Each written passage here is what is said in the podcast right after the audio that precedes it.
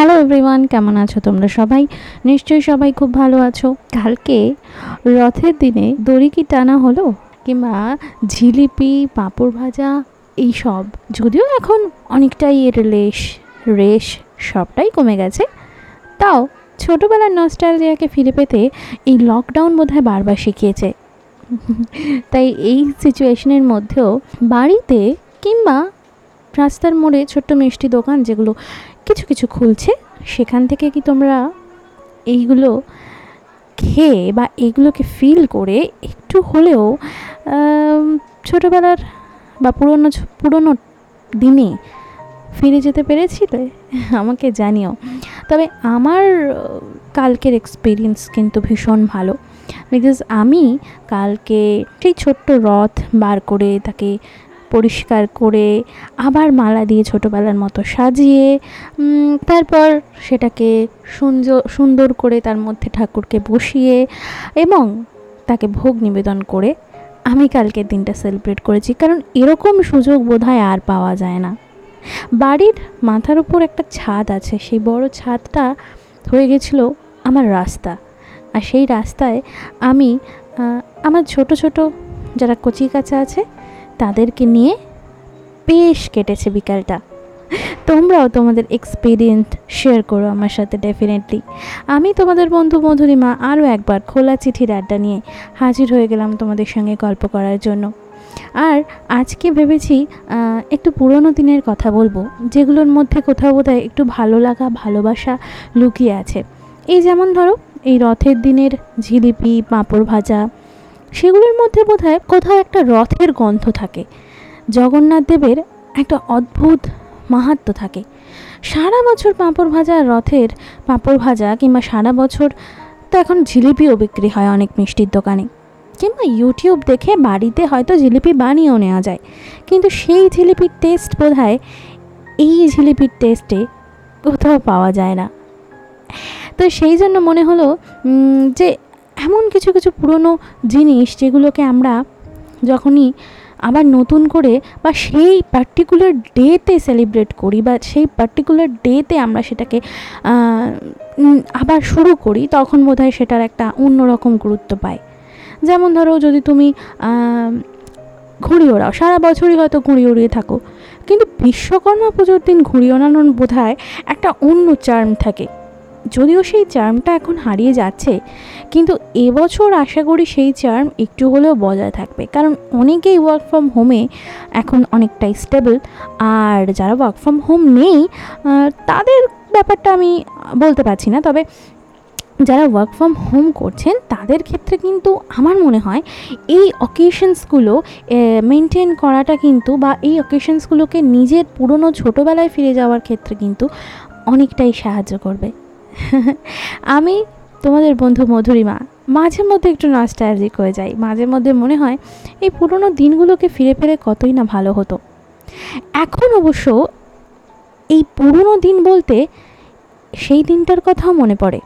যখন Victoria Memorial হল বা ইডেন গার্ডেন্স কিংবা স্প্ল্যানেট, এই জায়গাগুলো গম গম করতো।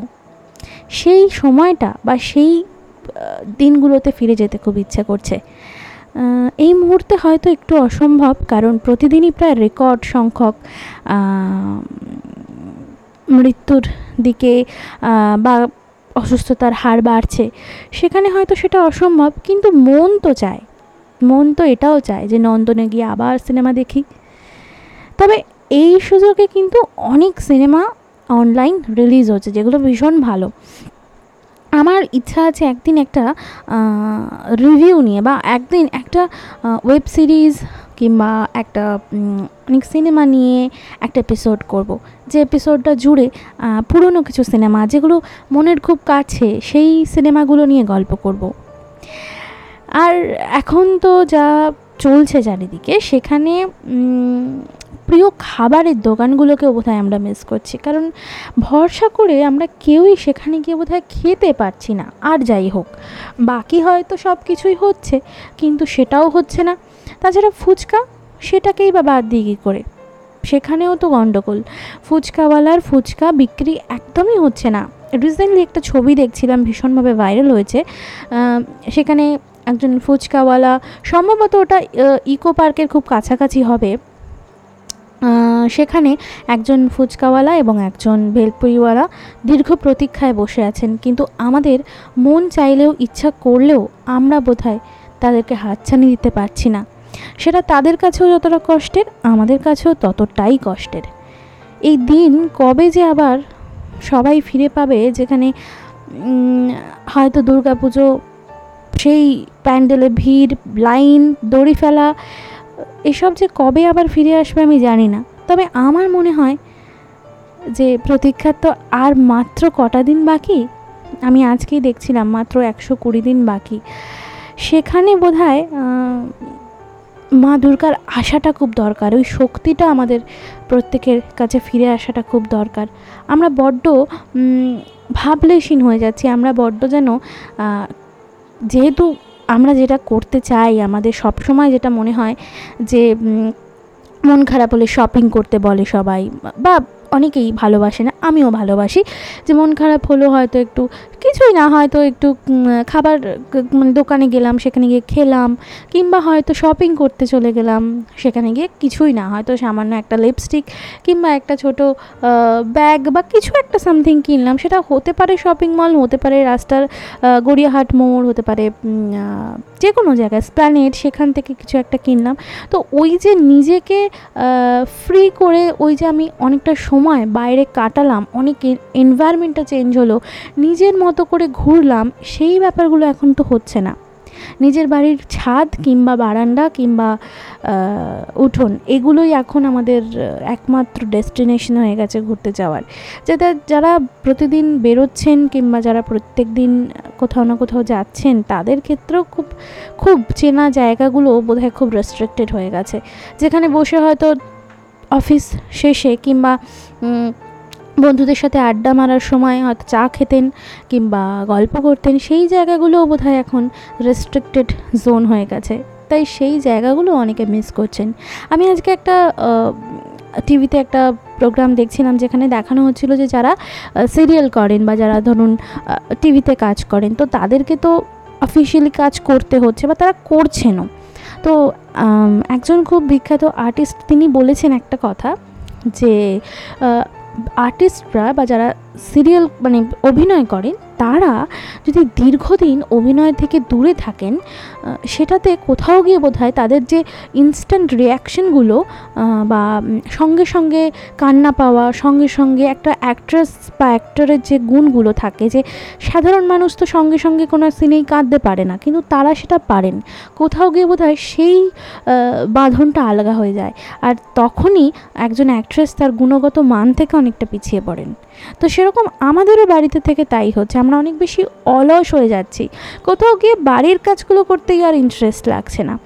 তো সেখানে কীভাবে যে সব কিছু আবার আগের মতো হবে তো জানি না, তবে নতুনত্ব খুঁজতে হবে কাজের মধ্যে, যাই হোক না কেন।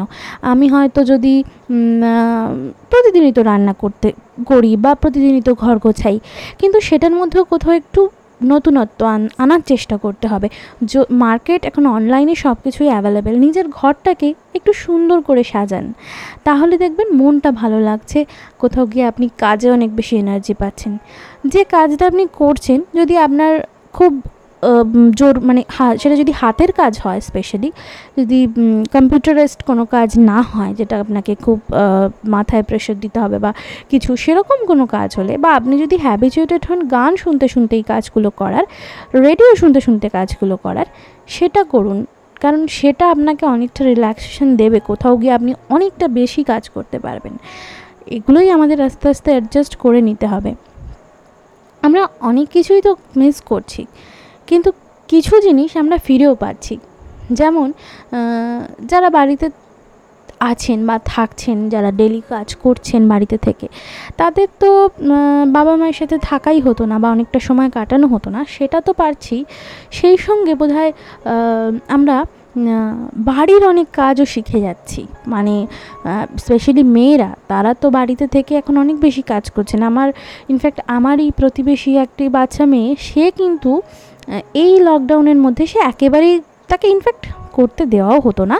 কিন্তু সে যখন দেখেছে যে তার বাড়িতে মেড আসছে না এবং তার মা একা পারছে না, তখন কিন্তু সে এগিয়ে এসে পরোটা তৈরি করেছে, রুটি তৈরি করেছে কিংবা তরকারিটা একটু নেড়ে দিয়েছে। তো সেই কাজগুলোও সে শিখেছে। কোথাও গিয়ে সেটা তার হয়তো একটু ভালো লেগেছে যে আমি পারছি। তাই সে করেছে, হয়তো ডেলি দিলে সে করবে না। কিন্তু তাও সেই নতুনত্বটা তাই বজায় থাকাটা খুব দরকার আমাদের জীবনে। কারণ এখন তো একদিকে যেমন পুরনোকে ঘিরে আমাদের বাঁচতে হবে, পুরনো এই অকেশনসগুলো এখন বাড়িতে ইনফ্যাক্ট পুজোও হচ্ছে না। কারণ যে পুরোহিত, তিনি আসতে পারছেন না। তাই নিজের মতো করে আপনি ভগবানকে একটু সাজিয়ে, তার, আপনি যাকে ভালো ভালো মানেন থাকে। যেমন আমি কালকে বলছি, আমার আমার অনেক ইচ্ছা মানে অনেক কিছু তো ইচ্ছা থাকে কিন্তু সেগুলো এখন করা যাচ্ছে না। হয়তো অনেক বড় করে কিছু করা সম্ভব হতো, কিন্তু যেহেতু এই সিচুয়েশনে তাই নিজেদের মতো করে নিজেরা যারা বাড়িতে আছি, তাদের মতো একটু ভোগ, ভগবানকেও দেওয়া হলো, সেটা নিজের মনের একটা শান্তি হলো কোথাও। আর কোথাও গিয়ে নিজেরাও অনেকটা সময় খুব পিসফুলি কাটানো গেল। বাচ্চারাও এলো, সেই বাচ্চাদেরও একটা আনন্দ হলো কোথাও গিয়ে রথ টেনে। তো এই ছোট ছোট আনন্দগুলো যদি আমরা ফিরিয়ে আনতে পারি, ধরুন এই যে এখনও অবশ্য অনেকটা দেরি তাও যদি আমরা ধরুন দুর্গাপুজোর আগে বাড়িতে কীভাবে কালচারাল প্রোগ্রাম করা যেতে পারে, নাটক করা যেতে পারে, কারণ পুজোয় বেরোনোর আশাটা তো খুবই কম। তাই আমরা যেরমভাবে রবীন্দ্র জয়ন্তী পালন করি কিংবা যেরমভাবে হয়তো আমরা সেলিব্রেট করি সেই টাইমটাকে সেরকমভাবে যদি আমরা এখন থেকেই ধীরে ধীরে রিহার্সাল দিয়ে, তাহলে অনেকটা সময়ও কাটবে আর একটা ভালো প্রোগ্রামও হবে সেই চারটে দিন। হয়তো আমরা কিছু কিছু ঠাকুর ডেফিনেটলি হবে আশা করা যাচ্ছে এবং তাও তাছাড়াও যদি আমরা, আপনারা যদি কোনো আবাসনে থাকেন কিংবা আপনারা যদি বাড়িতেও থাকেন, তাহলে নিজেদের মধ্যে যদি একটা এরকম এখন থেকে রিহার্সাল দিয়ে তৈরি করা যায়, তখন কিন্তু ওই দিনগুলোও ভালোভাবে সেলিব্রেট করতে পারব। এবং এটা তো আমার একটা মনোগত ইচ্ছা আছে, কারণ আমি যেহেতু একটা অ্যাপার্টমেন্টে থাকি, সেই জন্য আপনাদের সাথে শেয়ার করলাম। যাই হোক, তো এরকম ছোটো ছোটো কিছু মুহূর্তকে আমাদের বেছে নিতে হবে। যেগুলো আর সব থেকে বড় কথা আমি শুনছিলাম একজন ডক্টর বলছিলেন যে, আমরা এখন বেশি মোবাইলে অ্যাডিক্ট হয়ে যাচ্ছি তো কিছু পাচ্ছি না শপিং অনলাইন শপিং সেল চলছে চারিদিকে, সেগুলোতে মানে ভীষণভাবে হয়তো অ্যাডিক্ট হয়ে যাচ্ছি। সারাদিন মোবাইল নিয়ে হয়তো কাজের বাইরে মোবাইল নিয়ে বসে আছি। তো সেটা ছেড়ে স্ক্রিন টাইমটা কমানোটা খুব দরকার। সেটা যেমন বাচ্চাদের জন্য খুব দরকার, যদিও তাদেরকে অনলাইনে পড়াশোনা করতে হচ্ছে, কিন্তু আমাদের জন্য ভীষণ দরকার। কারণ আলটিমেটলি আমরা বাড়িতে থেকে নিজেদের কাজটুকু করে যদি সেই বাকিদেরকে সময় না দিই, মোবাইলের মধ্যেই নিজেদেরকে আটকে রাখি, তাহলে তো এই সময়টার কোনো ভ্যালুই আমরা দিতে পারলাম না, তাই না? তো সেই জন্য নিজেদেরকে ভালো রাখতে গেলে কালচারাল অ্যাক্টিভিটি সোশ্যাল অ্যাক্টিভিটি এখন সোশ্যাল অ্যাক্টিভিটি হওয়াটা একটু চাপ, কিন্তু তাও সেগুলো করা যেতে পারে। তো তোমাদের থেকে আমি জানতে চাই যে তোমরা এই সময় কি কি করে নিজেদেরকে ব্যস্ত রাখছো? সেটা যদি আমার সাথে শেয়ার করো কেমন, কেম, আমার খুব ভালো লাগবে। ইনফ্যাক্ট আমার বাকি বন্ধুদেরও যারা শুনবেন তোমাদের কথা তারা। তো তাদেরও আশা করি খুব ভালো লাগবে।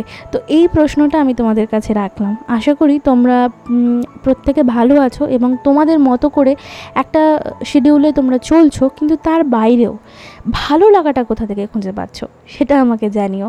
আমি তোমাদের বন্ধু মধুরিমা, আবারও কাল নতুন একটা এপিসোড নিয়ে ডেফিনেটলি ফিরে আসব। আর তোমাদের উত্তরের অপেক্ষায় রইলাম। তাই আজকে আমি যেভাবে একটা কোয়ালিটি টাইম কাটানোর চেষ্টা করছি। পুরনো সব কিছুকে আবার নতুনভাবে পাওয়ার ইচ্ছা তো রয়েছে কিন্তু তাও যখন পারছি না, তখন এইগুলো করছি। তোমরাও কীভাবে কাটাচ্ছ? তোমাদের সেই কোয়ালিটি টাইমটা কীভাবে বার করছ? কি কি করে? সেটা আমাকে জানাতে ভুলো না। আমি রইলাম তোমাদের অপেক্ষায়। খোলা চিঠির আড্ডা নিয়ে কালকে আরও একটা নতুন এপিসোড নিয়ে হাজির হব। ততক্ষণ তোমরা খুব ভালো থেকো, সুস্থ থেকো, আর তোমাদের আশেপাশের মানুষগুলো খুব ভালো রেখো। চলো আজকের মতো এখানেই। শুভরাত্রি।